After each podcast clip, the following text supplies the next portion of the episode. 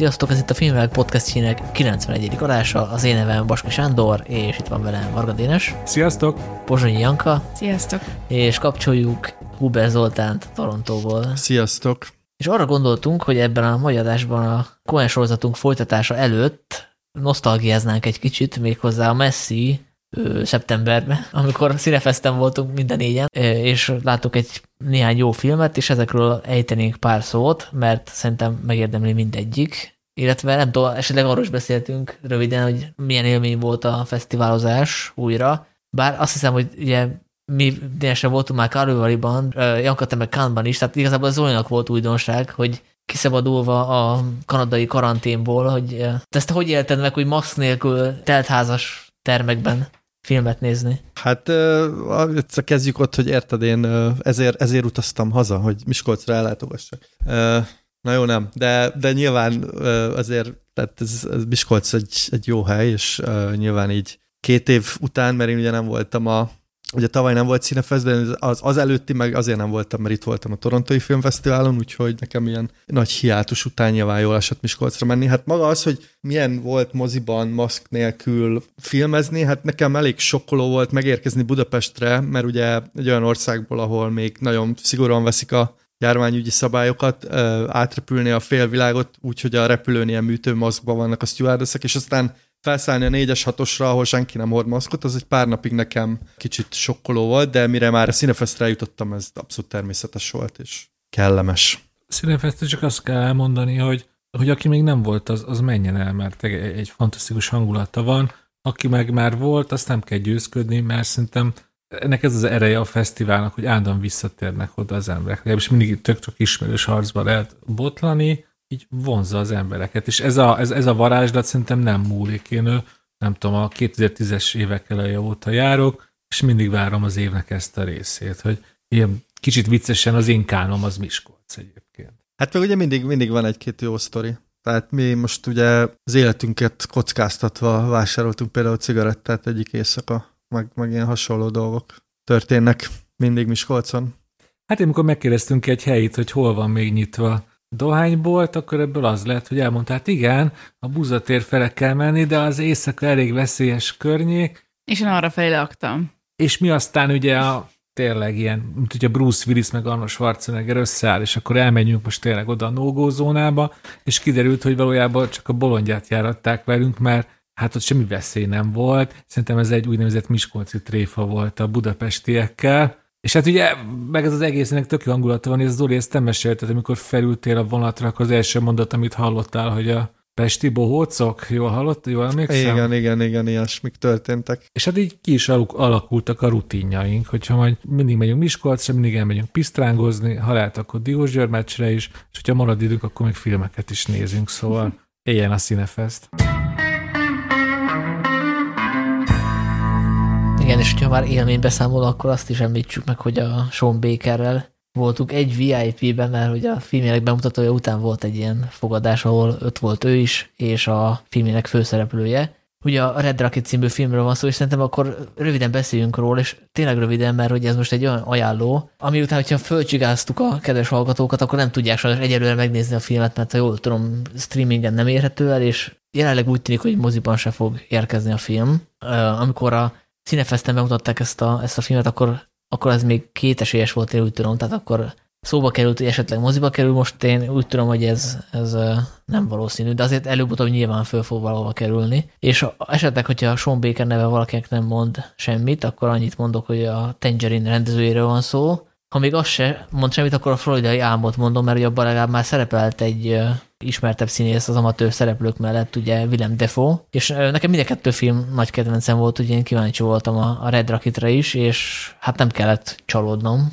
Itt a sztoriról annyit kell csak tudni, hogy a főszereplő ez egy ilyen ex-pornosztár, vagy, vagy inkább úgy mondom, hogy kiöregedőben lévő pornosztár, aki igazából nem is a saját akaratából hagyja abba, ha jól tudom, a, a szakmát, viszont kénytelen visszatérni Texasba a, szülőföldjére, ahol a feleségénél, a tőle elhidegült feleségénél, meg az anyósánál próbál lakni, és közben meg, megismerkedik egy 17 éves, vagy 18? 16 lányjal, aki egy fánkozóban dolgozik, és fölfedezi benne a következő korszak nagy pornosztárját, és hát erről, erről szól a történet, hogy hogyan próbál visszatérni a showbizniszbe rajta keresztül, és megint csak főleg amatőr színészekkel dolgozott a Sean Baker, neki ez a extra skillje, hogy nagyon jól tudja megtalálni ezeket az arcokat, akik tényleg iszonyúan hitelesek, és tök jól tudja őket irányítani.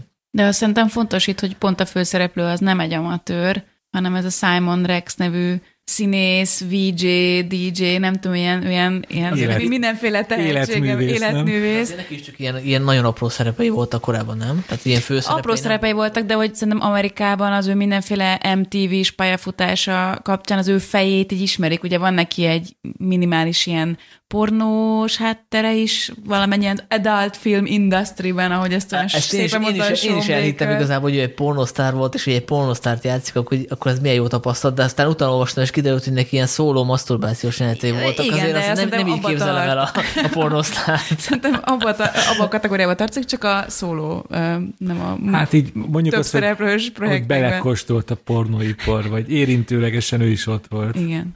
De hogy ő egy ilyen, meg hogy neki kiadott ilyen um, comedy, rap albumot, és szóval ugye mindenfélébe belekóstolt, és amikor például berobbant a Vine, meg az Instagram, akkor ő az elsők között ö, használta ki a social médiának ezeket a mindenféle előnyeit. Szóval ilyen szuper, ilyen nagyon-nagyon amerikai ember. Az amerikai embernek a prototípus ennek az én fejemben. Igen, és aztán úgy lehetne így lefordítani a magára a filmre, hogy, hogy tényleg van egy ilyen kisugárzás, a karizmája, és ez a, ez a filmben is nagyon fontos, mert ugye manipulatív, semmire kellő, egyre másra tesz, hát morálisan megkérdezhető dolgokat, de mégis van benne egy ilyen, egy ilyen, nem tudom, egy ilyen gyermeki vagányság, egy ilyen valami, ami- szóval valami olyasmi, amiért sokkal több mindent meg tudunk neki bocsátani, mint mondjuk a való életben a legtöbb embernek, és ezt szerintem a filmben tök jó, hogy így, így tudunk vele menni, amellett is, hogy látjuk, hogy ő amúgy egy... Seggfej. Egy szörnyű ember. Igen, köszönöm szépen, pontosan így. Hát szerintem mondjuk az is nagyon fontos, hogy ugye mondtad, hogy ez Texas, de ez Texasnak egy ilyen nagyon durva ipari része, ez konkrétan Texas City, ahol egy ilyen elképesztően nagy olajfinomító van, és aki ismeri a, az Egyesült Államokat, az talán tudja, hogy itt elképesztően sok a szennyezés, tehát ezek az olajfoltok meg, ezek mind ide kötődnek, és szerintem ez nagyon izgalmas a filmben, hogy ez a fasz, ez ugyanolyan toxikus egyébként, mint az az erőmű, amit így folyamatosan látunk. Tehát, hogy így akivel kapcsolatba kerül, annak így előbb-utóbb meg, megromlik a, az életminősége, vagy hogy mondjam, szóval és ennek ellenére mégis olyan energiája van, hogy így mész vele. Úgyhogy, de ez szerintem Sean Bakernek ilyen védjegye, mert, a, mert hasonló ez a karakter, mint a, akár a floridai államban az anya, akár a, akár a Tangerine-ben némelyik, hát nem is tudom, transvestita.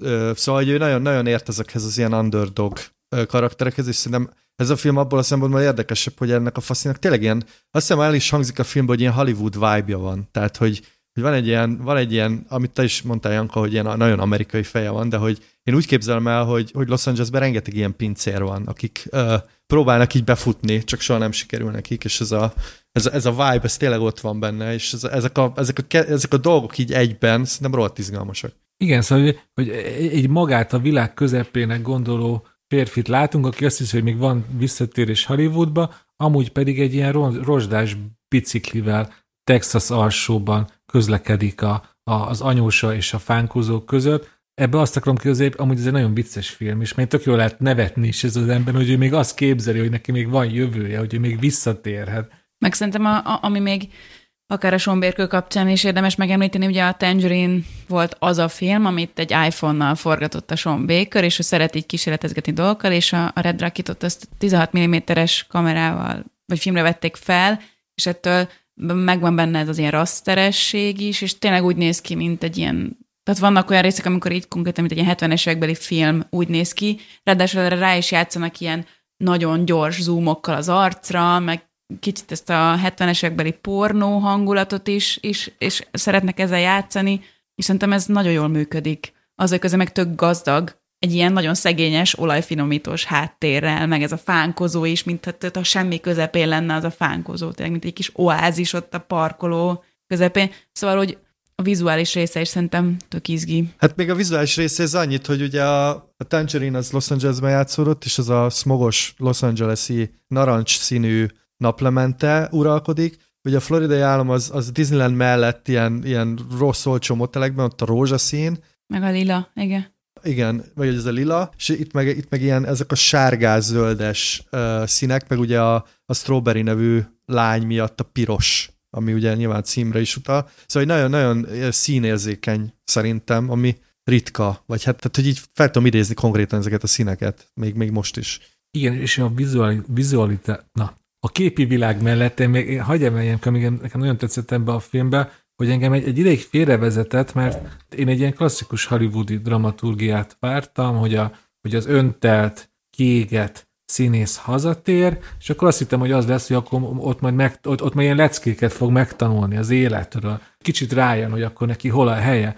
Ehhez képest teljesen más irányba megy, ezt be is fejezem itt a mondatot pont. Nekem nagyon tetszik, hogy, hogy sokkal realistább és sokkal cinikusabb, mint amit egy ilyen klasszikus hollywoodi filmtől elvárunk. De hát ugye Sean Baker egy, egy független filmes, szóval ilyen értemben nem is volt akkora meglepetés. Nekem pont ez jutott eszembe a, a Strawberry-ről, hogy az ő karakter és egy Hollywood, tipikus Hollywood filmben az áldozat lett volna, a 17 éves lány, akit, akit megronta 40, nem tudom, 5 éves főszereplő, és erre, erre kiderül, hogy azért az ő karakter is árnyaltabb, tehát hogy azért nem annyira maga tehetetlen áldozat, mint amennyire elsőre tűnik, mert ugye tényleg úgy néz ki, mint valamilyen, nem tudom, ilyen piroska és a farkas meséből előszeret főszereplő, és, és, és árnyalja az ő szerepét is, és, és abból az derül hogy ezért tud valamit mondjuk a, a tinédzserek, a mai tinédzserek világáról is, tehát gondolom belásta magát a témába. És, és tök hiteles az a kép, amit megelőző elő a városról, meg ezekről a karakterekről is. És azt a lányt is egy moziban találta, tehát hogy szembe jött vele. Szeret ezt a, ezt a street castingot. Azt meséltem Miskolcon, mert hogy csináltam vele egy interjút, és ott e, e, akkor elmesélte, hogy hogy találta a lányt is, meg az anyukát, hogy találta, és nagyon klassz, ahogy ezeket ötvözi. Ilyenkor ezt az interjút hol lehet olvasni? a filmhol lehet elolvasni. Azt majd kisípolja. Igen, egyébként az ő látogatásukban az volt a különleges, hogy ugye a Cinefesten korábban is voltak ilyen ö, sztár vendégek, úgyhogy megérkeztek, nem tudom, délelőtt, és akkor délután el is mentek, és itt az volt a különleges, hogy a Simon Rex meg a Sean Baker ott voltak napokon keresztül, és az Instagramikon közvetítették, hogy hogy fedezik föl Miskolcot, hogy ez meg érdekes volt. Hát konkrétan elvitték őket a vasgyárba, az avasi kilátóhoz, és Sean Baker nem csak, hogy megnézte a külön falkát, amiről az előző adásban beszéltünk, hanem még a Letterboxdon, ahol amúgy mi is fent vagyunk, és minket is megtaláltok, még ott is írt róla. Szóval Sean Baker tényleg százszerzékosan ott volt Miskolcon. Kb. Miskolc díszpolgára, bolgára lehetett volna avatni. A város kulcsát megkaphatta volna. És az én vállamhoz hozzáért Simon Rex, vagy Simon Rex, mert ahogy ott nem, nem fért el mellettem, és, és súrolt Hollywood egy pillanat. Ezt még az unokáinak is mesélni. Hát bizony. Azt a pólót azóta sem mostad ki. Az van rajtam most is. Cinefestnél maradva, ugye én amikor a fesztiválokról tudósítok, akkor szeretem úgy csoportosítani a filmeket, hogy valamilyen fajta tematikai egységet alkossanak, és itt lehetett volna összekötni három filmet, mert hogy mindegyikben fontos szerepet kap a pornó, vagy a szex, vagy a, vagy a botrányos momentumok, mint például ami a Titánban van, ugye a Titán című aranypálmás filmet is vetítették itt, de arról most nem fogok beszélni, mert hogy az jön a magyar moziba is, úgyhogy majd lehet, hogy később ejtünk róla pár szót. Viszont a űrös kecsintés, vagy pornó, a Didi Házban című Radu Zsude filmet szerintem, filmről szerintem érdemes megemlékezni, aminek nem tudom, hogy lesz-e magyar mozi bemutatója, de zárójel, vannak bizonyos alternatív útvonalak, amelyeken elérhető ez a film, de ezt nem tőlünk hallottátok. Hát fel kell ülni a bukaresti gyorsra, és másnap megnézni. Erre gondolták. Igen, gondolom. erre fel, természetesen. és akkor meséljetek el, hogy ti hogy szembesültetek ezzel a filmmel. Ez egy nagyon jó kérdés, gyorsan, hogy válaszoljak, és amúgy egyébként pont együtt voltunk Miskolcon, siettünk a bemutatóra, de még meg kell tenni gíroszt, ezért késésben voltunk, aztán gyorsan mentünk be a moziterembe. Én arra emlékszem, hogy ott a sorok mellett gyorsan mentem előre, hogy már csak a legelső sorban volt hely, gyorsan, gyorsan, gyorsan, minél kevesebbet hagyja ki a filmből. Leülök, felnézek, mit látok? Egy nagy faszt, kb. ilyen három méterre így tőlem, és tényleg egy ilyen, egy ilyen rendes, klasszikus, ilyen, ilyen amatőr pornó jelenet ment a vásznon, és mondom, hát, hogy azért már láttam sok filmet, lá, ültem sokszor moziba, ez egy kicsit úgy, úgy, úgy ledöbbentett a látvány, hogy nyilván a barátaim már meséltek el, hogy milyen a pornó, de így, így, így, így moziba ilyet látni, azért, azért megdöbbentő volt. Nem tudom, Zoli, te is ott voltál, nem tudom, mennyire hasonló az emléked erről. Tehát ez együtt botorgáltunk a sorok között, Dénes, és uh, hát nyilván uh, én szeretek így filmet kezdeni, tehát hogy így ez, ez egyből hangulatba helyezett, és én onnantól úgy éreztem magam, mint egy ilyen remek hullámvasúton, tehát imádtam minden percét kb. És szerintem nagyon sokat hozzátette ez a filmélményhez, hogy, hogy tényleg moziba láttuk, és, és teltházas közönséggel. Igaz, hogy az első sorba ültünk, szóval nem tudom, hogy hány döbbent ember ment ki, vagy maradt, vagy mi, mi volt, de hogy, de hogy nem, nem sokan. Hozzá, szóval nagyon sokat hozzátett nekem, és nagyon élveztem. Igazából nekünk ez az élmény, ez sokkal jobb, mint mondjuk annak lesz, aki hallgatónk, és majd valahogy beszerzi ezt a filmet, és megnézi. Mert ő már tudja, hogy mire számítson. Én például nem tudtam, hogy mire számítsak. Azt nyilván tudtam, hogy bennem van a címben, hogy pornó, de azt nem gondoltam, hogy így kezdődik, tehát hogy ez nekem meglepetés volt. Ahogy meglepetés volt, hogy a következő szakasz, mert ugye ez gyakorlatilag három fejezet rosszik ez a film, hogy a második fejezetben egy ilyen fura, ilyen enciklopédiát látunk, tehát ilyen... Filmes lexikon. Igen, igen, igen, ilyen nagyon fura, ilyen mozgóképes haikukat látunk. A legutolsó rész meg egy ilyen lakógyűlésszerű, ilyen nagyon szürreális Nem, szülő, kabaré. Szülő, szülő Igen, igen, csak hogy nekem az jutott eszembe, a rádió kabaréban voltak ilyen sketchek a lakógyűlésről. Igen. Az jutott eszembe, szóval, hogy hogy aki tudja, hogy, hogy mire számítson, annak már lehet, hogy nem, nem jut akkor át az a film. Jó, de akkor most állj meg, mert most ebből, ez alapján azt gondolhatja az ember, hogy ez egy, egy ilyen kísérleti film, aminek nincs története, de azért valójában van, van egy dramaturgiai íve, egy általános iskolai román tanárnőről szól, aki ugye ezt már sokat taglalt, amatőr pornófelvételt felvesz a férjével, és ez valamilyen szerencsétlen módon kikerül az internetre, aztán jön a nagy felháborodás, hogy neki ezért ugye kirúgással fenyegetik, és neki ezt meg kell magyaráznia a már említett szülői értekezleten. Ez a történet, és ami, ami viszont ezt olyan, olyan formanyelvű megoldásokkal, olyan frappáns és húsba vágó humorral, olyan váratlan fordulatokkal viszi végbe a film, hogy én tátott szájon néztem végig, ez most egy elég hülye hangzik egy ilyen filmnél, de, de, de, de lelőve a poént, ez, ez, ez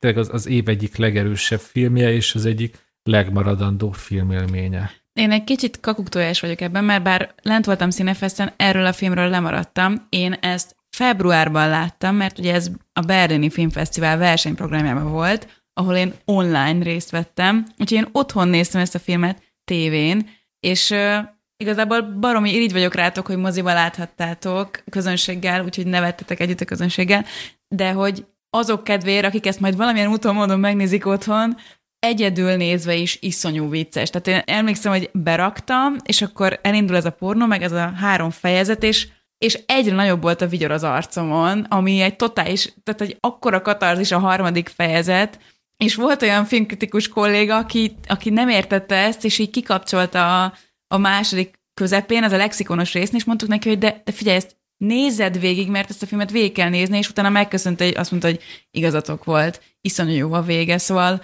ö, megéri kitartani, mert mindenféle furcsasága ellenére is. Ja, és én egészen biztos voltam benne, azt hiszem az első vagy a másik napon láttam a programban, és ö, biztos voltam benne, hogy díjat fog kapni.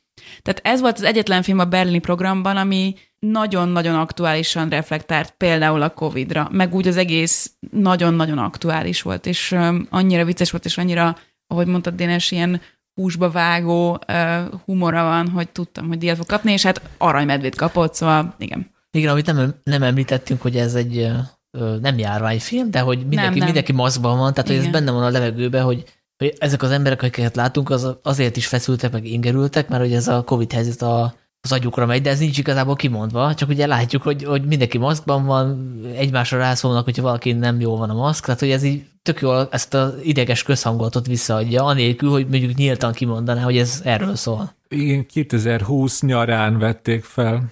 De szerintem azért is idegesek, mert Kelet-Európában élnek, konkrétan Bukarestben. Szóval nekem ez a film nagyon, én azért szerettem nagyon, mert elkap nagyon erősen valamit ebből a kelet-európai életérzésből, és szerintem sokkal izgalmasabb, csak lehet, hogy ezt nem, nem mindenki érti mondjuk, mondjuk nyugaton. Szóval csak visszatérve arra, hogy, hogy, hogy aranymedvét kapott, hogy nem tudom, hogy ezt mennyire hogy mennyire húzna be mondjuk egy kanadait. Szóval tök érdekes lenne, remélem, hogy majd vetítik itt, hogy ezt hogy fogadnák, mert nekem nagyon, nagyon erősen, és annyi nem véletlenül mondtál lakógyűlést, mert én voltam lakógyűléseken a saját házamban, és teljesen ugyanilyen hangulata volt, mint a filmben lévő szülőértekezletnek, ugyanolyan beszólások mennek, és ugyanez a ilyen frusztrált, sértődött cucc, és a, én a film elejét, mindenki a, a, általában a harmadik részt írják a kritikákban, de hogy én imádtam az első részt, amikor csak sétál a nő Bukarestben.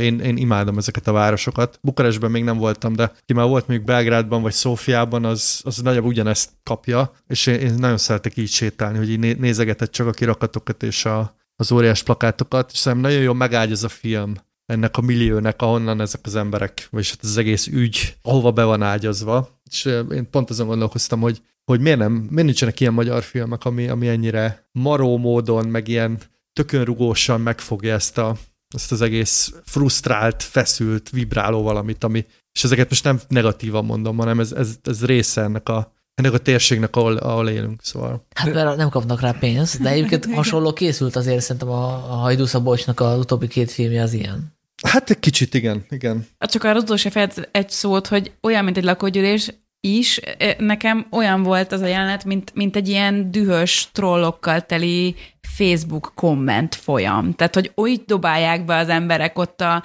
sorosozás, minden van ott, hogy tényleg, minthogyha így fognád magad, és elolvasnád egy, egy akármilyen politikai propaganda kép alatt a kommenteket. Hihetetlen. Tehát, hogy én nekem egyből az, az jutott eszembe, hogy ez ilyen trollok gyülekezete. Igen, de egyébként az előző rész is kapcsolódik ezekhez az újfajta ilyen kommunikációs formákhoz, ami amikor látunk egy képsort, meg feliratot, szöveges feliratot, az olyan, mint hogyha Radó Udének a TikTok oldaláról lett volna átemelve. Tehát, hogy, sőt, konkrétan vannak egy YouTube mémek, amiket így bemutat például, amikor a közösségi, vagy hogy mondják ezt a social distancing-et magyarul? Tehát szociális távolság. Szociális távolságtartás demonstrálja, akkor egy konkrétan egy ilyen YouTube-os videót veszel, ahol ilyen idős hát, emberek táncolnak, és ilyen bottal tartják magukat távol egymástól. Tehát, hogy igen. Azt hiszem, az is egy tök érdekes kísérlet, hogy, hogy a moziban vetíteni egy ilyen teljesen ilyen avantgárd, azt hiszem, ilyen 20-30 perces betétet. Itt, itt tényleg az a lényeg, amit már a, a Zoli is elmondott, hogy, hogy ez hiába a Románia, hiába a Bukarest, ez egy az egyben a mi valóságunk. Ez a mi 2020-2021-ként kelt Közép-Európába,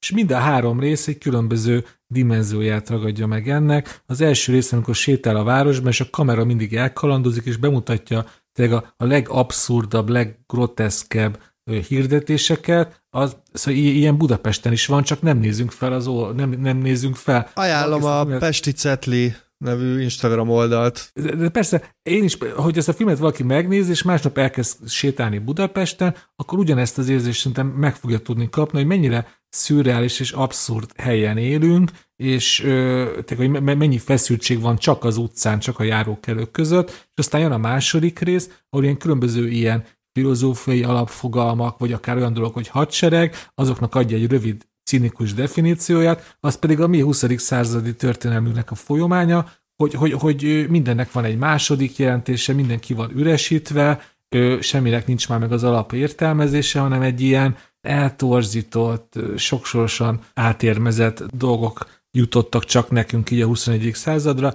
és a végén van pedig az, hogy hát, hogy a mi társadalmunk az tényleg milyen primitív módon tud sajnos sokszor egymás véleményre re- reagálni, és hogy milyen könnyen tudunk átmenni tényleg, ahogy a Janka mondta trollba. Én itt úgy álltam fel, hogy, hogy, hogy egyébként szerintem nagyon nehéz megfogni egy filmbe a pillanatnyi valóságot úgy, hogy aztán az pár év múlva ne legyen unalmas, vagy ne legyen az, hogy hát igen, ezt én tudom, hogy ilyen a valóság, ezt most minek nézzem.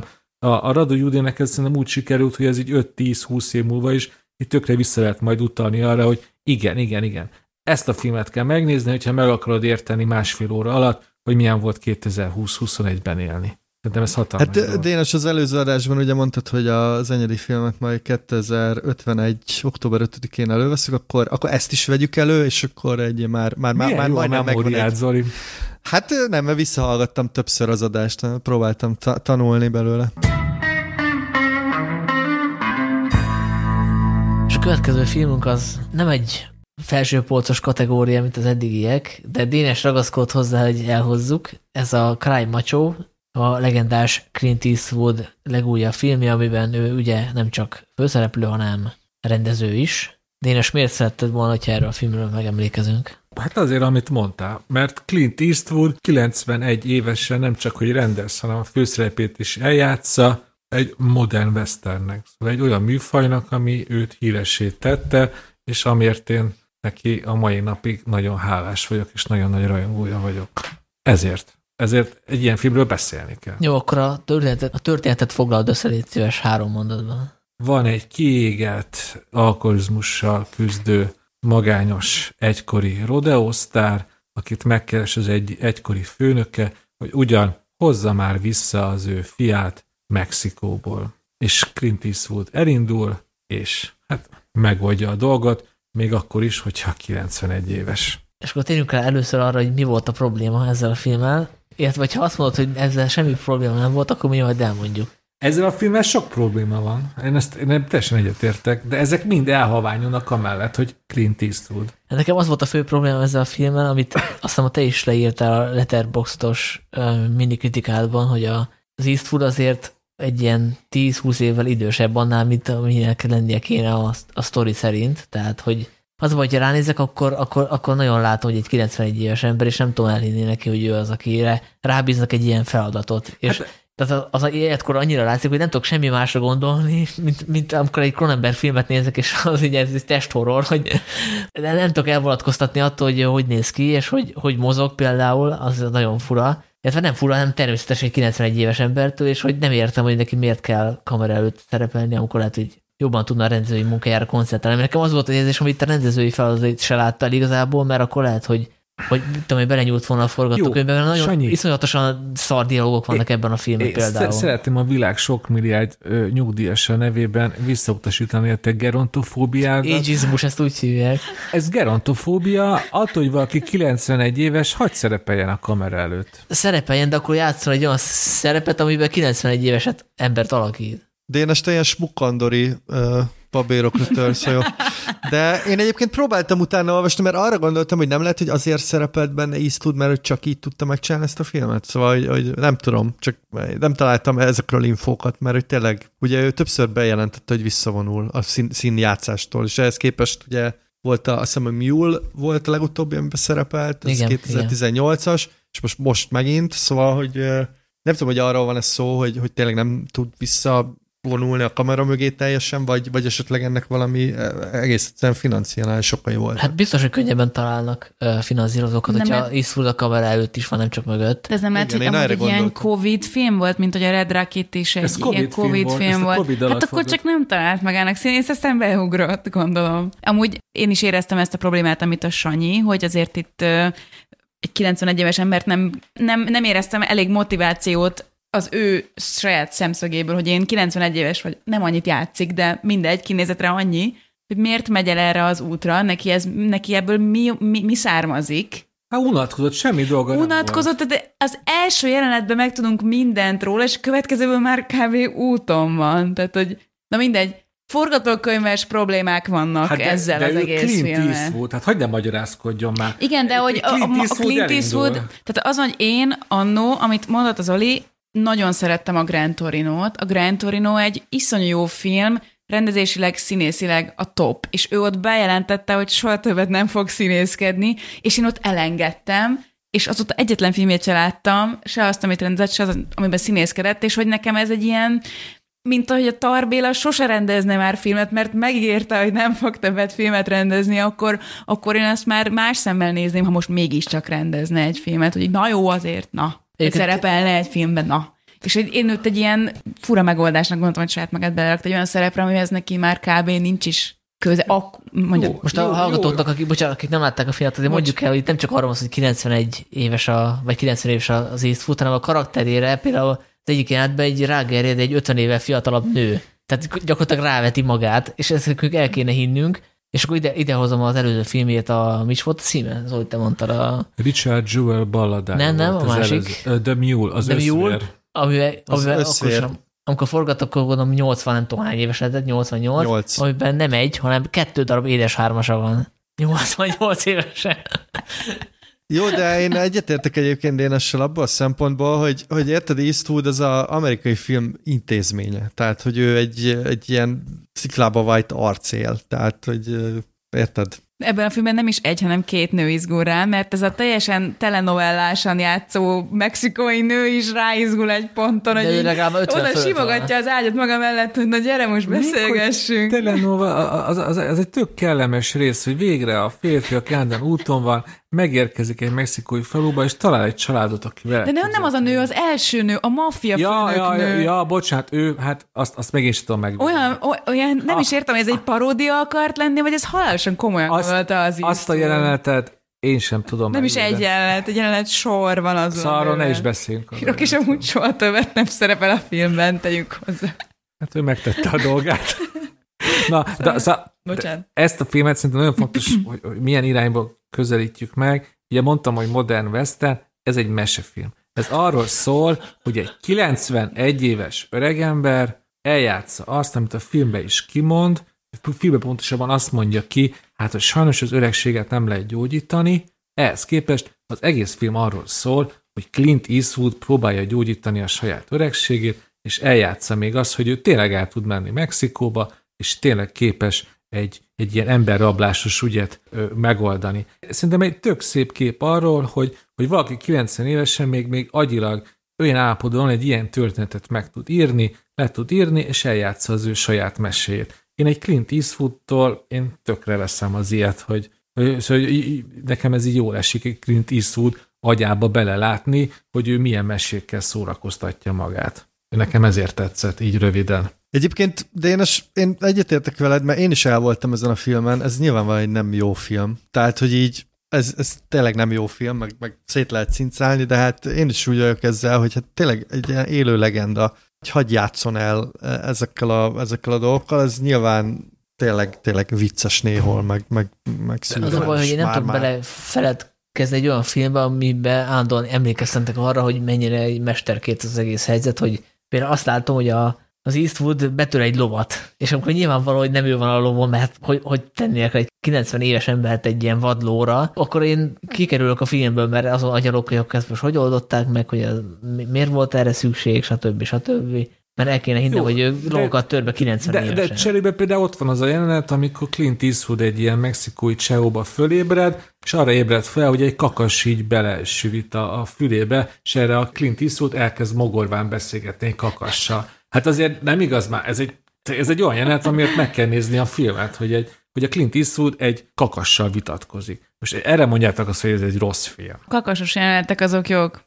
De itt igen, itt az a nagy kérdés, hogy, hogy most te egy Clint Eastwood filmet nézel, vagy, vagy a Cry Macho-t nézed. szóval nem mindegy. És ezt a filmet levetíteni valakinek, aki nem tudja, hogy kicsoda Clint Eastwood, már van ilyen a bolygón, de biztos van, akkor így azt mondaná, hogy ez, ne vicceljetek már, mi ez? Ez valami paródia? Jó, Vagy, e- ebbe egyetértek. Az, hogy én most így védem meg, az, hogy élvezi tudtam a filmet, 80 ban azért van, mert Clint Eastwood. Igen. És én tudtam a múltját, tudtam, hogy ő kiül, meg hogy egész, ez egész maszkulinitáshoz, macsó mítoszhoz hogy áll, ami ez azért, ez az egészről próbál valami kritikát egy kicsit ellentmondásos módon, de megfogalmazni. Mert ugye nyilvánvaló, hogy ugye elmondja, az az egész macsó mítosz ugye overrated, túl van értékelve, ahhoz képest meg ugye, amit ti is mondtatok, hogy azért csak beírta a forgatókönyvbe, hogy rágerjed egy nála 50 éven fiatalabb nő. De Szóval nem nekem- írta bele, mert nem ő írta a filmet. jó, állítólag nagyon sokat változtattak a könyvet. Én nem olvastam a könyvet, szóval nem tudom, mi változott. Csak ez, ez, ez is szerintem egy tök izgalmas, mert egy kicsibe ott van benne a Clint Eastwood imázsának, személyiségének az ellentmondása, hogy egyrészt küzd ezen az egész macsó mítosz ellen, másrészt mégiscsak ez az alapja Clint Eastwoodnak, ez, szerintem ez a Cry macsóba is megjelenik.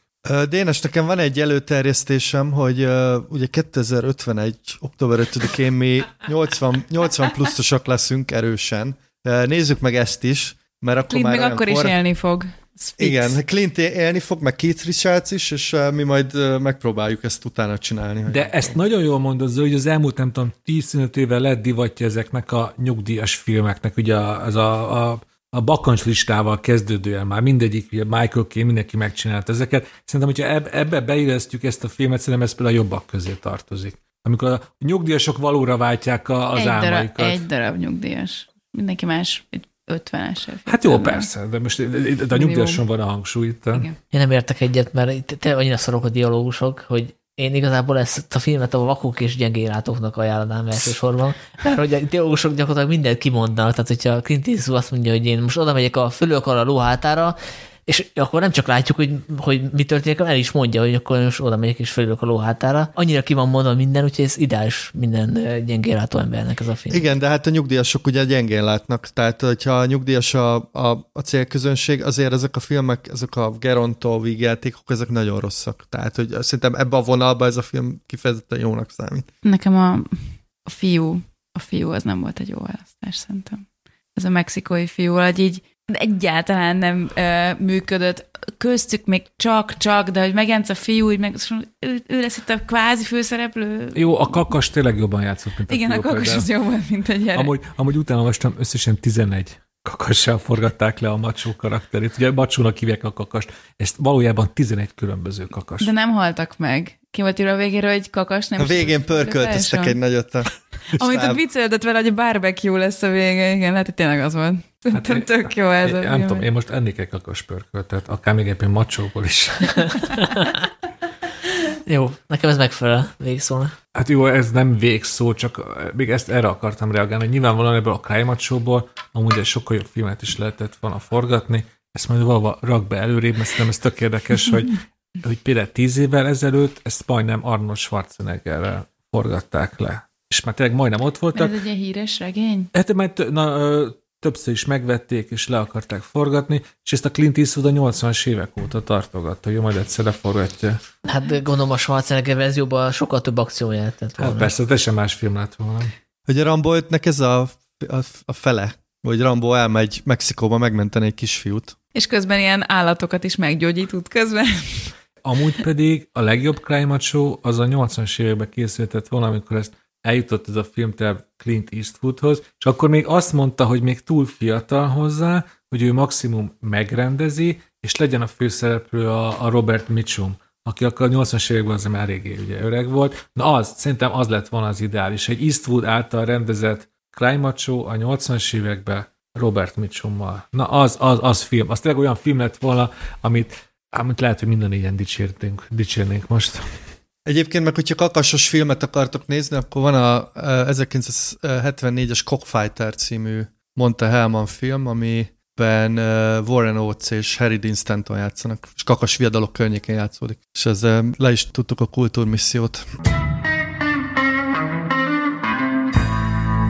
És akkor folytatódik a Cohen Podcast sorozatunk a harmadik résszel, ez pedig a Halál kereszt útján, eredeti címén Miller's Crossing, és nem tudom, hogy a történetéről kell valamit mondani, de azért szerintem egy pár mondatot, hogy ezúttal a klasszikus gangsterfilmeket idézik meg a Cohen testvérek. Konkrétan uh, Dashiell Hammett munkásságát, de erre szerintem majd kitérünk, hogy pontosan hol és mit nyúlnak le tőle. Ugye a főszereplő egy, egy Tom Reagan nevű azt hiszem úgy hívják ezt a figurát, hogy Consieri. Concilieri, de, de szerintem itt Ez most, ez most azért félrevezető, Mert, mert, hogy ő ír, nem is mert nem olasz. az olasz maffiába Igen, hívják igen. így a tanácsadót, ő az ír De maffiába. a, várjál, mert ugye a keresztapába is ír a concierge.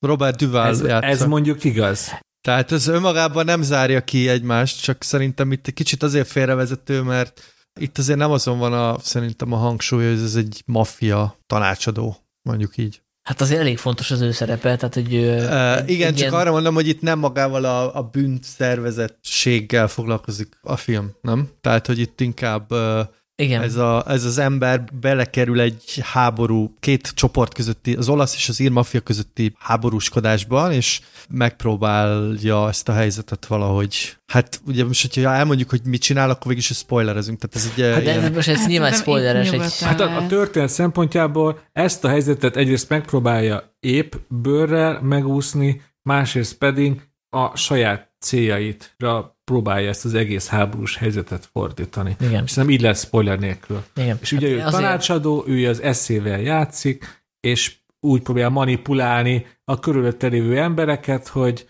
az minden úgy történjen, hogy ő szeretné. Igen, de szerintem nagyon sokszor nem tudni, hogy ez ilyen önnös érdek, vagy másnak az érdekéből csinálja, ugye ezért is valószínűleg ezért izgalmas ez a karakter, mert kb. kiszámíthatatlan szerintem. Vagy én ezt éreztem most, amikor újra néztem, hogy óriási kérdőjelek vannak körülött, hogy mit miért csinál, meg hogy mit akar. hát ez kérdés, hogy szerintem ez többféleképpen is értelmezhető, és szerintem azért is izgalmas ez a film, hogyha így a Cohen életmű egészébe nézzük, vagy így a többi Cohen karakterrel nézed egybe, hogy, hogy itt tényleg mennyi szerepe van a, a saját akaratának, és mennyi a, ugye a, a körülményeknek, amik adódnak folyamatosan. És ez, ez szerintem egy érdekes kérdés ennek a filmnek, hogy, hogy ugye ő akar valamit, de nagyon sokszor a vak szerencsém múlik csak, hogy, hogy merre megy tovább. Ugye itt nagyon sok fordulat van, és nagyon sok ilyen, nem is dupla már, hanem ilyen tripla átverések. És ennyiben ugye nyilván a, ez a gangsterfilmes, meg ez a hardboiled krimi hagyományait emelik egy ilyen magasabb szintre. Poenék már már egy ilyen szándékosan túlhúzzák ezt a fajta struktúrát, de hogy szerintem ez, ez, ez, ez egy nagyon érdekes kérdése a filmnek, hogy, hogy ez a hős, most pontosan milyen, milyen hős. Hát igen, jó, jó érzékel közbevágtatok, amikor próbáltam a, történetet elmesélni, mert tényleg az van, hogy egy baromi bonyolult sztori, és ez nyilván a kornéknél nem olyan meglepő, tehát ők szeretnek ezzel az eszközzel élni, hogy ilyen látszólag ilyen nagyon nehezen megfejtető uh, dramaturgiai felépítményeket csinálnak, és lehet, hogy első talán nem is lehet ezt a filmet teljesen dekódon, de egyébként másodszorra szerintem teljesen érthető, hogy, hogy mi a karakterek motivációja. Csak ugye, ahogy mondtátok, például pont a főszereplő az, akinek nem pontosan lehet tudni, hogy, hogy igazából mit szeretne neki, mi a, mi a célja. Tehát, hogy igazából mondjuk szerelmes esetleg abba a főnöknek a szeretőjébe, és ez motiválja, vagy, vagy pontosan mi, mi az, ami, ami neki a, az endgame-je, ahogy ezt szokták angolul mondani.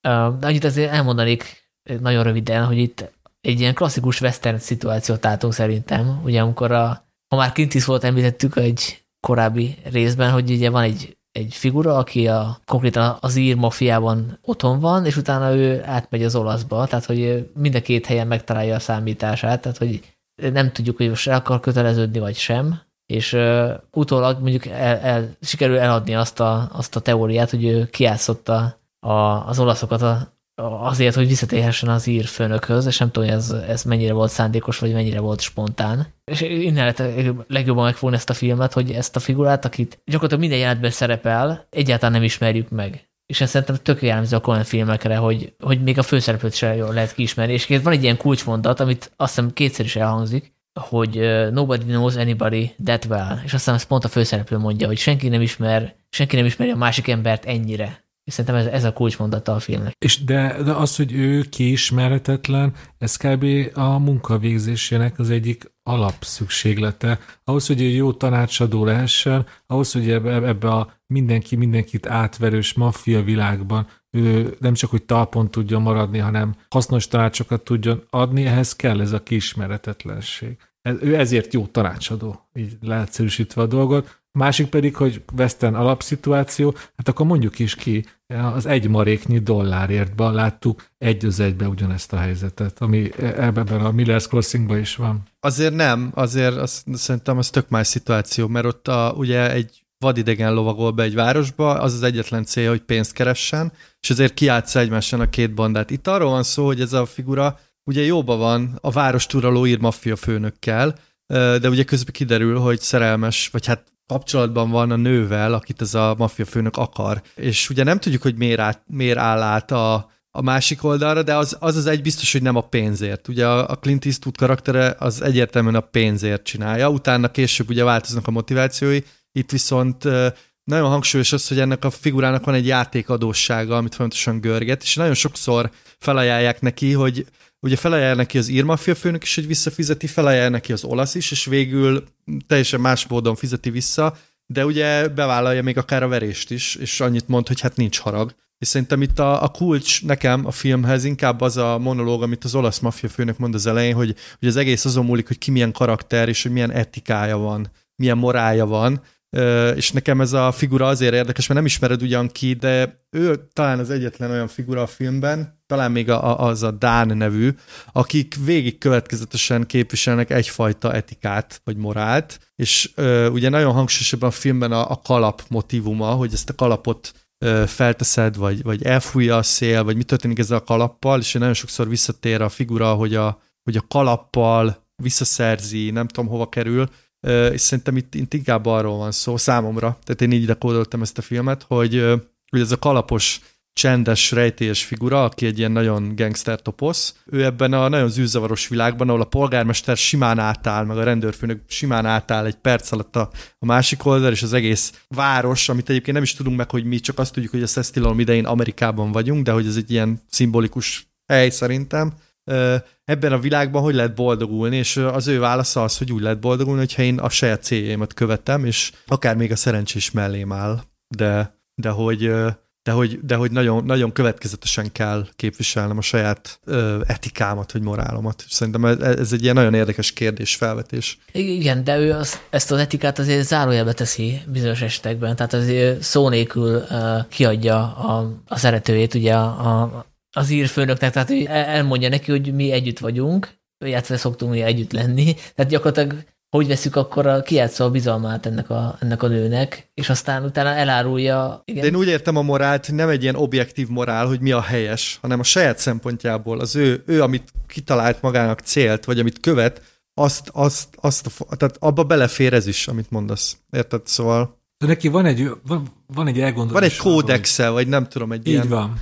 Saját kódexe szerint él, és azt nem árulja el, mert hogyha megnézed a filmet, ebben mindenki más elárulja azt, amit előtte 5 vagy 10 perc előtt mondott magáról, a másikról, Igen. hazudik, ármánykodik. Ez a Gabriel Byrne karaktere, hogyha még nem tudom, ha keresztény etikával ütköztetjük, akkor ő is ugye egy utolsó mafiózó, de hogyha azt nézzük, hogy ő mit képvisel a legelején, azt a, a szépen mondva az a kódexet, ő azt következetesen végigviszi. Szerintem meg itt pont az a nagy sztori, illetve az a csattanó, hogy még ez az ember, aki ugye minden körülmények közt ragaszkodik a kalapjához, ami vehetjük úgy egy szimbóluma ennek az etikának, ugye amikor hülyére verik, akkor is így fogja a kalapját, és, és nem akarja elhagyni. Hát- szóval, hogy még ez az ember is megszegi a saját kódexét, mert ugye azt látjuk, hogy, hogy egészen a fináléig senkire nem emelkezett. Tehát őt megverik egy csomószor, és ő, ő nem lép föl erőszakosan, ugye nem is uh, tudja megölni a John Torturo karakterét, a, a Burnit, és a végén mégiscsak saját kezüleg lelövi. Tehát, hogy igazából megszegi a saját etikáját, mert addig, addig a pontig ő nem volt gyilkos. Hát de, de kérdés, hogy mit értesz a saját kódexen? Tehát most megint egy ilyen külső, a tíz parancsolatból hozol egyet, de ha azt nézed, hogy ő, ő mit akart elérni, akkor ahhoz ez egy szükséges lépés, ugye le is vonja a következtetést, hogy hát sajnos nem, nem tudok más csinálni, muszáj. Tehát, hogyha úgy nézed, hogy ő egy ilyen sakjátékos, vagy egy ilyen, nem is tudom, aki így próbálja kihozni a legjobbat a helyzetből, akkor ez egy elkerülhetetlen döntés. Nekem az az érdekes a filmben, a, a többi Cohen filmmel összevetve, hogy a többi Cohen filmben is hasonló dolgot próbálnak csinálni a karakterek, tehát hogy így próbálnak egy ilyen nagyon kaotikus világban helytállni és, és képviselni valamit, és hogy ott a, a többi karakter az általában így elbukik, vagy, vagy legalábbis muszáj, muszáj valahogy, vagy, vagy ilyen tétlenül tudja csak nézni.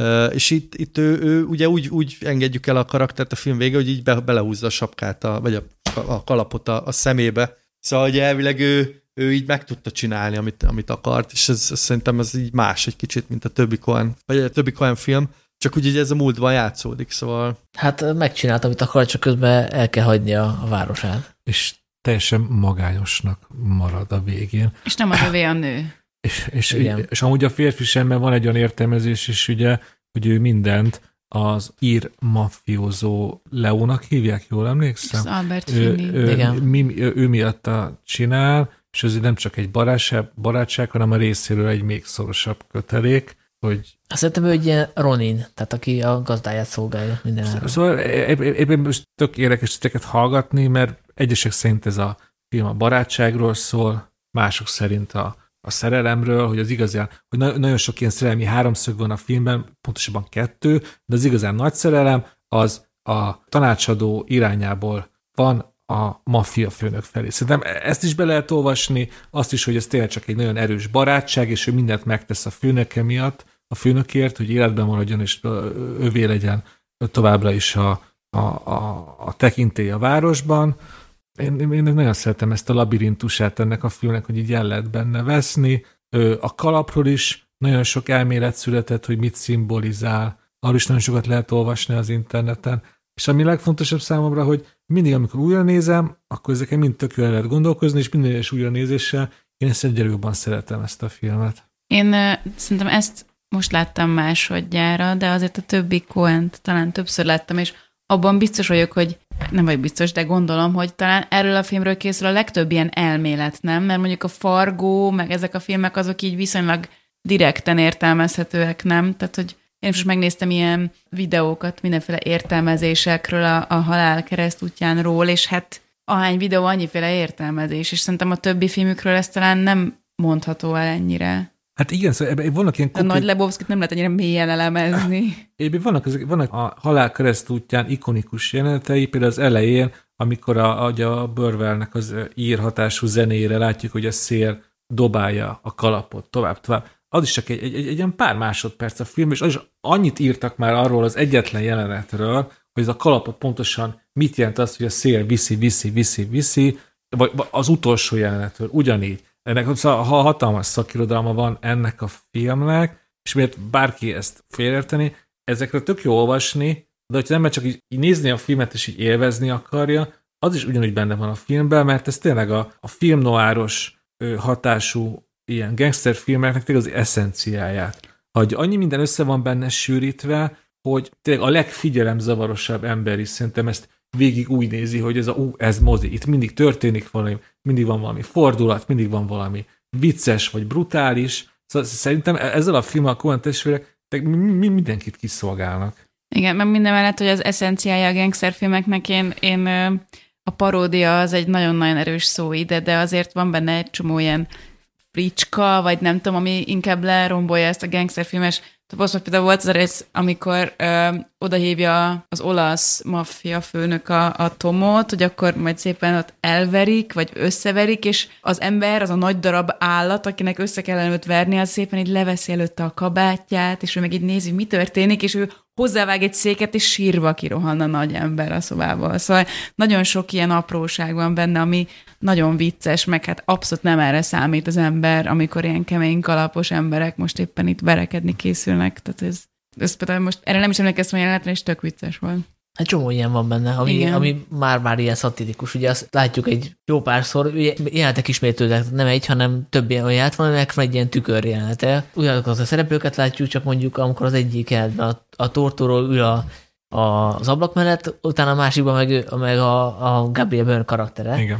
És van például egy olyan jelent is, amikor bevonul a, a Tom Regan a, nem is tudom, a polgármesterhez, vagy a, vagy a saját gazdájához, és ott ül benne a polgármester, meg nem tudom, a rendőrkapitány, ott pitiznek, és utána bemegy a, az olasz mafiózóhoz is, fél órával később, és akkor ott megint ott ül benne a rendőrkapitány, meg a polgármester, szerintem az nagyon vicces. Vagy amikor megtámadják ugye a, a, az olasz maffia főnököt, bocsánat, az ír maffia főnököt, a Liót, és ő szembeszáll a támadóival, és van egy olyan jelenet, amikor gépfegyverrel lövi a, a támadóját, és ő gyakorlatilag perceken keresztül, mint egy ilyen exázisban táncol, amikor eltalálják a golyók. Tehát ilyen a 30-as évek gangster filmjében volt. Ott ábrázoltak ilyen irrealisztikus módon a, az akciókat, szóval nyilván ezek tudatos kikacsintások. Hát meg előtte felveszi a bársony papucsát, Igen. mielőtt bármi történik, és a bársony papucson ilyen koronák vannak, és Albert Finney rezenéstelen arccal bemegy az ágy alá, ott ellövi a lábakat, és az tényleg, tényleg most szerintem egy 30 másodpercen keresztül lövi azt a szerencsétlen embert, aki így ilyen És közben bakelitről megy a Danny Boy, szóval az, tudjátok, ez egy ilyen olyan kulcsfontosságú írtal, és akkor az megy az egész alatt, szóval szóval a Koenéknek nagyon jó a humora. Én, én mindig, mindig nagyon szeretem a mellékszereplőiket, akik csak így megjelennek ilyen felvillanó arcok, és itt is van egy pár ilyen, szóval van, a, van az olasz mafiózónak a kövér kisfia, a, aki csak így igen, igen. Két, két jelenete van, de hát ez, ez egyszerűen zseniális. Meg de van az a jelenet, hogy a hulláról lelopja a kisfiú a, a parókát, ami egy kutyával Szóval ezek, ezek szerintem ilyen egészen zseniális dolgok, nem tesznek hozzá semmit a sztorihoz, csak egyszerűen... De, de az, szerintem az pont hozzáad az a rész, mert ugye az arról szól, hogy utána teóriák születtek arról, hogy miért vitte el a gyilkos a parókát, és ez a megfejtés, hogy sok esetben nem lehet ö, megfejteni, mert, mert ilyen teljesen random, véletlen dolgok vannak, és közben meg mi teóriákat gyártunk, és holott ilyen, ilyen véletlenszerű az élet néha. Igen. És ebbe, ebbe az életlen jelenetben is benne van a Koenig világlátása. Igen, én, én egyébként a, a, azt gondoltam arra jelentről, hogy ezt lehet, hogy ilyen direkt írták bele abból a szempontból, hogy tudták, hogy sok értelmezés lesz a kalapról. Mert ugye a Koenig ugye híresen elzárkóznak a, a saját filmék értelmezésétől, és Szerintem ez a film, amit mondtál, hogy, hogy rengeteg elemzés, meg, meg cikk van róla, meg ilyen megfejtő videók, ez szerintem csak annak köszönhető, hogy ez egy ilyen, tényleg egy ilyen labirintus. Tehát, hogy így nagyon dramaturgiailag iszonyat össze van rakva, hiszen nem akkor ennék nagyon jókat röhöghetnek ezeken, hogy, hogy itt ilyen hatalmas teóriák készülnek. Hát meg azért, um, csak hogy a kis mellékszereplőkről ugye van benne kb. egy 30 másodpercnyi uh, Steve Buscemi, és egy 15 másodpercnyi Francis McDormand cameo is benne, ami egy tök jó ilyen csepegtetése a későbbi karrierjük legfontosabb szereplőjének, mondjuk a John Turturro, és az, ez az első közös filmjük vele talán, és utána meg, you know. Igen, és egyébként történik is több utalása Barton Finkre. Én nekem ez most tűnt fel, hogy bemenne, bemegy valami helyre, ahol valami Barton's Arms. Igen. Uh, szóval ez is vicces. Hát mert ugye az a sztori, hogy uh, amikor ezt a filmet írták, akkor egy ilyen írói blokk, vagy hogy mondják, ez writer's blokk volt, és, uh, ja, igen. és akkor um, az volt a megoldás, hogy gyorsan megírták a Barton Finknek a forgatókönyvét menet közben. Annak különösen örülök, hogy most én tényleg így, így most halára dicsérjük ezt a filmet, mert ezzel most igazságot is szolgáltattunk neki, mert én tökre meglepődtem, hogy ez abban az évben, mikor kijött, akkor az Amerikában ez egy bukás volt, mert ugyanabban az évben jött ki ugye a, a nagy menők, ugye a nagybetűs maffia film, és mindenki azt nézte, ezt meg csak kevesen, és ő nem hozta vissza az árát. De aztán persze szerencsére azért nem csak mi, hanem jó, jó sokan mások is már kijelentették, hogy ez tényleg a a Coen életműnek az egyik legfényesebben ragyogó gyémántja. Azért szerintem tegyük hozzá, hogy nem, nem, nem annyira könnyű ez a film. Szóval ennél vannak könnyebben befogadhatók olyan filmek. Én ugye most úgy néztem meg, hogy nem is tettem rá feliratot, és azért elég nehéz. A dialógok nagy része ugye direkt arhaizáló, meg szerintem ezt is így túlhúzzák, szóval ez a What's the Rumpus kérdés, az nem, nem, is, nem is tudom pontosan, hogy mit, mit akar jelenteni, de állandóan visszatér. Szóval, hogy nehéz, ez, ez szerintem ez nem a nagy közönségnek készül, mert egyrészt a sztorit is, hogyha először látod, szerintem nem lehet megérteni pontosan, hogy mik, mik történtek, meg, meg tényleg ezek a dialógok azért néha, néha nehezen követhetőek. Hát meg van, van ez, a, ez a stilizált, sűrítő stílusa, szóismétlés, ami biztos, hogy sok embert elidegenített, ami nekünk annyira tetszik, hogy azért mindig érződik, hogy, hogy ők nem a valóságot akarták ábrázolni, és azért mindig adnak egyértelmű jeleket arra, hogy ez valami elemelt. Több köze van a mozihoz, mint a valósághoz. Ez szerintem sokaknak az lehetett, hogy akkor tényleg inkább a nagy menőket nézzük, mert az meg az a klasszikus, hogy milyenek a, az olasz mafiózok a valóságban, ahhoz szerintem azért könnyebb volt 90-ben kapcsolódni, és talán most is. Hát meg annak egyszerűbb a történet, tehát az arról szól, hogy megmutatja, hogy a, hogy a bűn az hogy korrumpál, meg, meg benne van a gangster romantika, ez, ez szerintem nem arról szól, hanem ez inkább arról szól, hogy a, hogyan hálózza be a politikát a bűn. Tehát, hogy itt már nem lehet megkülönböztetni a politikust a bűnözőtől, tehát hogy ez, ez arról szól, hogy mindenkit korrumpál ez a, ez a rendszer, mm. és ebben nincs gangster romantika szerintem ebben a filmben. És ami miért én, én nagyon-nagyon szeretem ezt a filmet, hogy van egy egy ilyen, ilyen őszi, most már ősz van, ezt, egy ilyen őszi melankólikus hangulata, nem? Ez nagyon fontos a zene, hogy ilyen tényleg egy ilyen ír nép zene, azt hiszem az alapja, és tényleg van, van ilyen kis ilyen, el, el, ilyen az elmúlással kapcsolatos érzés ennek a filmnek, ahogy nézem, meg a vége is, ugye, ami amúgy a, a harmadik ember végét, ugye, játsza újra, az is ilyen nagyon-nagyon ilyen mélabú hogy így egymagában maradt szegény Gabriel Byrne, azok után, hogy mindent megtett a főnökért. Én, én, én nagyon, nagyon szeretem ezt a világát, ezt az érzelmi világát a filmnek. És ha már beharagoztam az elején, hogy majd mondok párhuzamot ugye a, a Hemettel, híres detektívíróval, hogy ugye elvileg az Üvegkulcs című regénye az, amiből a legtöbbet merítették, és van benne egy ilyen közvetlen utalás is, hogy amikor a amikor egyszer fölveszi a főszereplő a telefont, akkor valami olyasmit mond, hogy low shed, és a, a ló az egy ilyen manierizmusa volt a, a regénybeli megfelelőjének, a sed meg az ottani ö, ellenlábasa. Tehát, hogy ennek a filmnek a kontextusában semmi értelme nincs, hogy említi egy olyan szereplőnek a nevét, aki nem szerepel a filmben. Tehát ez egy nyilvánvaló egy ilyen forrás megjelenés szerintem a Koenéktől, tehát egy ilyen játékos, játékos utalás, hogy, hogy hát igen, tudjuk, hogy honnan merítettük, honnan nyúltunk, de ezt mi fölvállaljuk, és még ki is kacsítunk azokra a nézőkre, akik ezt szintén fölismerik. Szerintem ez egy ilyen vagány gesztus. Igen, és majd erre még lesz példa később is. Most a Nagy Lebowski-ra gondoltam elsősorban, de minden, igen, majd, igen, akkor, igen, igen. majd akkor megbeszéljük. Most ez hanyadik Coen filmnél tartunk, a harmadiknál. Most értünk el az első nagy személyes kedvencemhez, és, és, és, és mindenkinek ajánlom, hogyha nem tudom, elsőre nem talál benne, akkor még nézze újra, mert én is úgy vagyok ezzel, ezt már említettem, hogy hogy minden egyes nézés, az ember így betéved egy labirintusba. Én sem nem, nem kitalálok abból a labirintusból, de minél mélyebbre haladok, és annál jobban élvezem. Nekem ez, ez a halál keresztútjám. És akkor még mondanék két triviát. Az egyik az, hogy ez volt az egyik olyan film, ahol a, nem a Koenig vágták a filmet álnéven, aztán még a nagyugrás volt ilyen, talán meg a, talán az arizonai rökfiókák, illetve ez volt az utolsó film, amit a Barry Sonnenfeld fényképezett, és szerintem érdemes megemlíteni, hogy tényleg nagyon jól néz ki ez a film, és ez is egy kapcsolódó érdekesség, ugye vannak, van ez a nagyon hangsúlyos jelenet, az is szintén visszatérő jelenet az erdőben, amikor um, kétszer is előfordul, így karaktert kikísérnek az erdőbe, és ő azt hiszi, hogy meg fogod halni, és ugye a Zonenfeld mondta, hogy ő akkor szeretné forgatni, amikor, amikor felhős van, felhő van, tehát nem süt a nap, és a Koenig meg azt mondták, hogy igazából ők nem akarják elhalasztani miatt a forgatást, tehát hogy vegyék fel, ahogy tudják, de nagy szerencséjük volt, mert hogy, mert hogy pont felhős volt az ég, amikor vették fel ezeket a jelenteket. Viszont az Zonenfeld még szerette volna, hogyha hogy, hogy a még ilyen melankolikusabb, vagy őszibb legyen ez a, a hangulat, és ezért a szokásos Kodak helyett Fuji filmet használt ezeknél a jeleneteknél. Tehát mondjuk lehet, hogy csak engem érdekel, de most már nem mondtam. És ez miért jó, hogyha Fujival veszi fel, és nem Kodakkal? Más a színe. Ah. Igen. Gondolom az érzékenysége is más. Szerintem a szereplőkről esetleg még egy-két szót lehetne mondani. Ha. Nem akarom húzni tovább, de hogy... Ne, ne, ne húzzuk, de hogyha már trivia, akkor triviára, én is triviával válaszok, mert szerintem ez ez, ez az egész életmű szempontjából is tanulságos, hogy ugye azt már beszéltük az arizonai ördög fiókánál, hogy hát ugye azért a koánék ragaszkodnak a saját elképzeléseikhez. Itt viszont jött Gabriel Byrne, ugye, aki a Tom Regent játsza, és alapból úgy lett volna, hogy ő egy teljesen asszimilált írt játszik, és amerikai akcentussal, ő viszont ugye írszínész volt, és elérte a Coen testvéreknél, hogy használhassa az eredeti ír akcentusát. És ugye, amit például Zoli mondott, hogy néha nehezen érthető, ugye ez is hozzáad, hogy ő tényleg hozta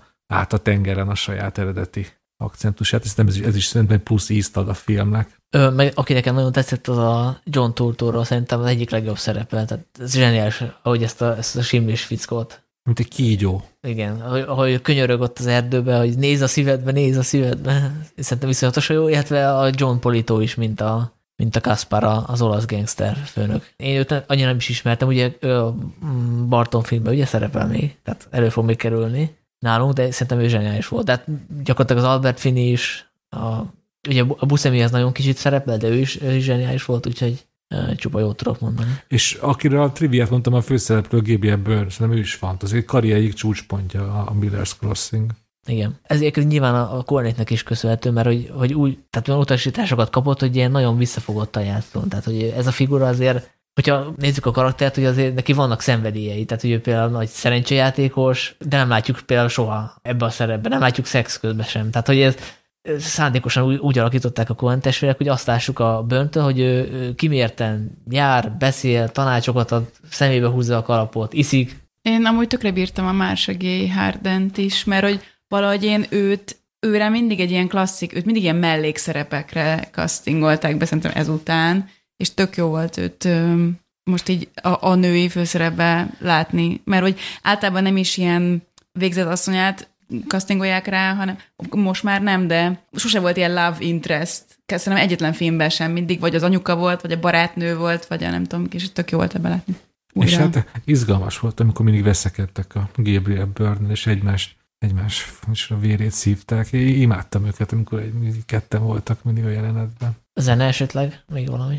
Mert nekem, én azt írtam föl magamnak, hogy, hogy elég fura, tehát hogy nem, nem ilyen, nem illik igazából le ez a műfajhoz, de gondolom, ez szándékos. Hát pont, de a, amit mondtam, a melankúr, nagyon, nagyon, nagyon tetszik, hogy, hogy egy ilyen brutális, véres maffia történet, ezt hozzáraknak egy ilyen érzelmes ír balladát. Ugye a Koenék nagyon szeretnek így ütköztetni egymáshoz nem illő dolgokat. Szerintem itt is tök jól eltalálták ezt. Hát ugye ez ugyanaz a zeneszerző, akivel rendszeresen dolgoznak, a Carter Barwellnek hívják, és számomra a legemlékezetesebb igen a Fargónak a soundtrackje, ami ugye nagyon himnikus valami, így a semmiből indul, és ilyen iszonyat jól néz ki a, a, a hóban előjövő autóval, de például a, a Raising Arizona is, is ilyen fura emlékeztek, ilyen, mint egy ilyen country zene paródia, és szerintem itt is szándékos ez az elidegenítő zene, hogy, hogy nyilván ez egy ilyen íres, ilyen népballadás valami, de hogy, de hogy teljesen szét van rombolva, és ez nyilván a, a ilyen programadó a filmnek,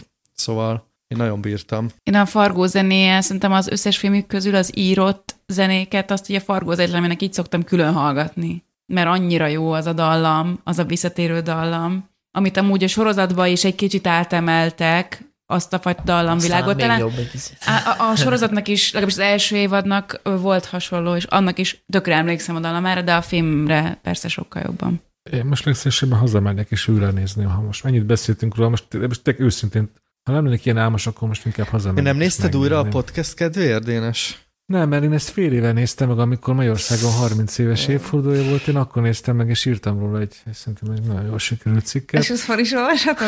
És... Hát azt most már nem mondom, ki keresétek rám. És akkor zárásként a szokásos kult ajánló. Én azzal nyitok, hogy nézzétek a Seinfeldet, mert fölkerült a Netflixre. Nekem annyira nagy kedvencem nem volt, mert hogy egy, ö, azt hiszem egy év alatt láttam belőle, ez a, ez a sorozat, amit azért nehéz Magyarországról megérteni, tehát annyira benne van az amerikai tehát ehhez New Yorkinak kell lenni szerintem, hogy tökéletesen érez az ember, de így most kezdek rákapni így a második évad ö, kezdetén, és, és a fejemben már írok egy olyan cikket, amiből szerintem majd lehet, hogy lesz valóság, hogyha, hogyha a teóriám igaznak bizonyul, hogy a, hogy a, a Seinfeld jobb, mint a jó barátok. Ez lesz a alap hipotézis. Seinfeld rajongók ezt aláhúznak. Hát igen, csak a jó, a jó barátok jelenlegok nem. Nyilván ez, ezt a két sorozatot szokták a 90-es évek top szitkomjai közt emlegetni, ugye mind a kettő New Yorkba játszik, mind a kettő aláröhögős, de szerintem a, a, a Seinfeld maradandóbb, tehát hogyha mondjuk valakinek levetítik ezt a két sorozatot száz év múlva, olyannak, aki nem tud semmit ezekről a sorozatokról, akkor azt fogja mondani, hogy a Seinfeld azért, azért az tartalmasabb, erősebb poénok vannak benne. Hát Sanyi, majd 2051. október 5-én megnézzük, de egyébként itt Torontóban én többször kaptam ezt a kérdést, mert ez itt olyan kérdés, mint a, a Rolling Stones versus Beatles, hogy te jó barátokos, vagy Seinfeldes vagy-e, és a, a Seinfeld számít menőbb válasznak nyilván. Az a baj a seinfeld szerintem, hogy a, a második, én, én azt hiszem az ötödik évadig láttam, de hogy a, a második évad az nagyon-nagyon erős, és szerintem így egyre fogynak az ötletek. Legalábbis én, én úgy éreztem. Úgyhogy majd kíváncsi, hogy mit szólsz. Mert szerintem az első évad az még elég fapados, vagy ilyen bevezető, aztán nagyon-nagyon elkapják szerintem a, a, a hangulatot, és, és aztán én azért nem is néztem tovább, mert elkezdett úgy önismétlő lenni, de lehet, hogy majd most itt a Netflixen, mert ugye a Netflixre került fel, hogy lehet pörgetni. Igen. Egy ilyen érdekesség, hogy a Netflixen ugye minden széles vásznú, azért a 3-4-es képarányú sorozatot azt így kroppolták, és például van egy jelenet, ahol fontos szerep jut egy kátyúnak, és az most úgy sikerült kroppolni a jelenetet, hogy az a kátyú az így nem látszik. Hát ez ilyen avantgard. Igen. De én is most uh, tervezem megnézni az egészet, mert én csak egy-egy részt láttam, meg egy-egy poént ismerek, és uh, ez egy tök jó apropó, hogy most meg lehessen nézni az egészet. Na, akkor valaki ajánljon még valamit. Én nem fogom nézni a Seinfeldet, én nem fogok hat évados szitkomokat elkezdeni nézni, hát akkor még annyira Jó, hát te, előbb nézd Ez meg a Twin Peaks is- harmadik évadát, tehát A 2051-es adásra meg fogom nézni a Twin Peaks harmadik évadát. Ajánljak valamit? Járjatok MB2-es mérkőzésekre.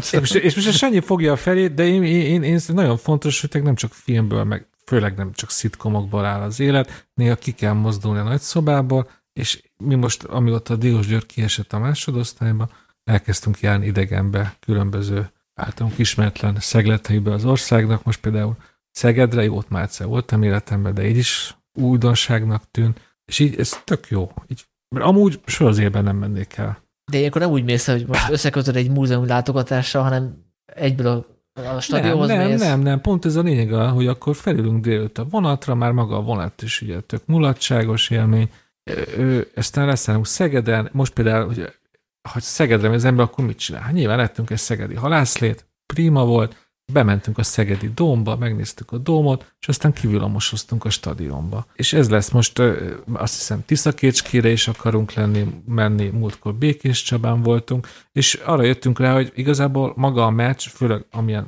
szarul játszik mostanság a csapat, csak egy kifogás, és ez egy ilyen ismert meg, ismert meg Magyarországot küldetés. Én például a MB2-es csapat Csákvár, és nekem tényleg most már én arra várok, hogy idegenbe mehessünk Csákvárra, mert nekem nagyon nagy elvárásaim vannak Csákvárral kapcsolatban, hogy mi van ott. Én akkor szurkolok, hogy kiesen a Diós a harmadik vonalba, és akkor még több egzotikus helyet ismerhetsz meg. Ö, ezt a point én is elsütöttem, csak azt kell tudni, hogy akkor az viszont már ilyen területig le van határolva. Ugye az, akkor már ugye van, nem tudom, ilyen keleti, nyugati csoport, és akkor már nincs akkora nagy része az országnak, amit bejárhatnám.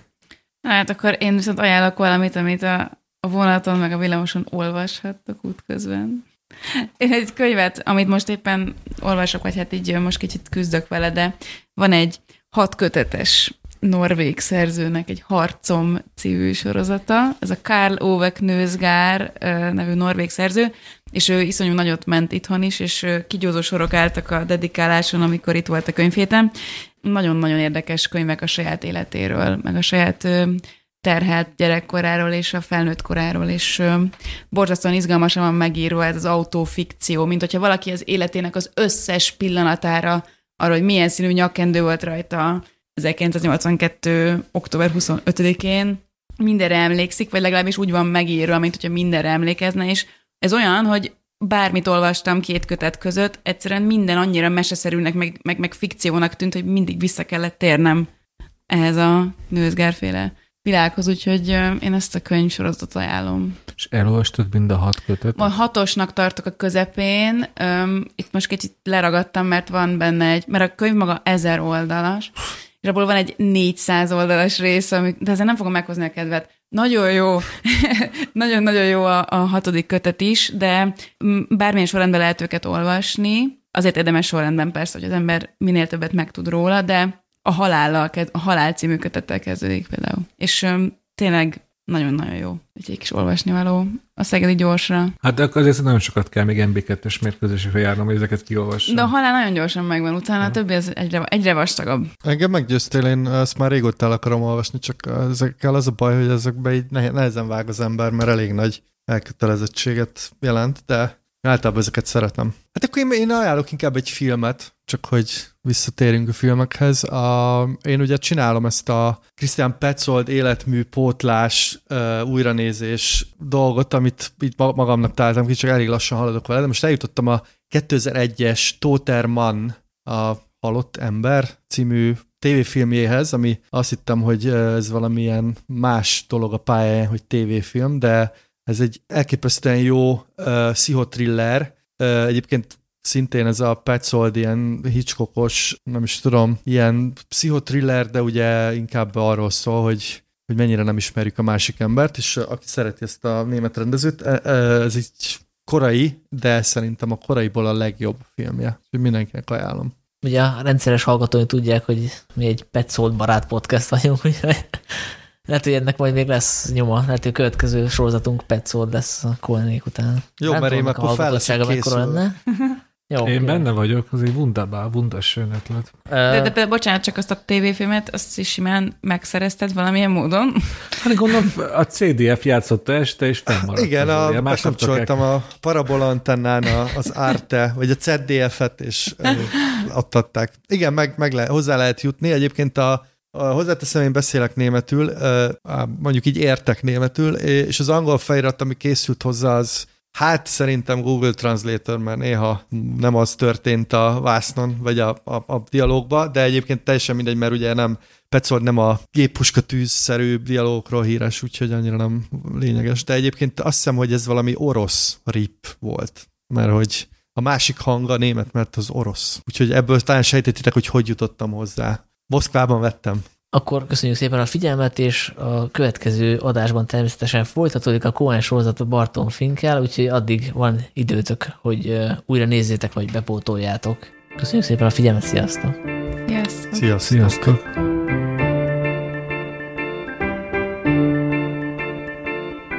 A Filmvilág podcastjét hallottátok. Ha még nem tettétek meg, kövessetek bennünket a Spotify-on, az iTunes-on, vagy bármelyik nagyobb podcast szolgáltatónál. Ha kérdésetek van, vagy témát ajánlanátok, küldhettek üzenetet a Filmvilág blogon, a Filmvilág folyóirat Facebook oldalán, vagy a Filmvilág Podcast kukat gmail.com címre. Az encore.com per filmvilág oldalon keresztül küldhettek hangüzenetet, ami akár az adásba is bekerülhet. A Filmvilág havonta megjelenő folyamatát, és ezzel közvetve a podcastet a patreon.com per filmvilág címen tudjátok támogatni. Köszönjük a figyelmet, találkozunk két hét múlva.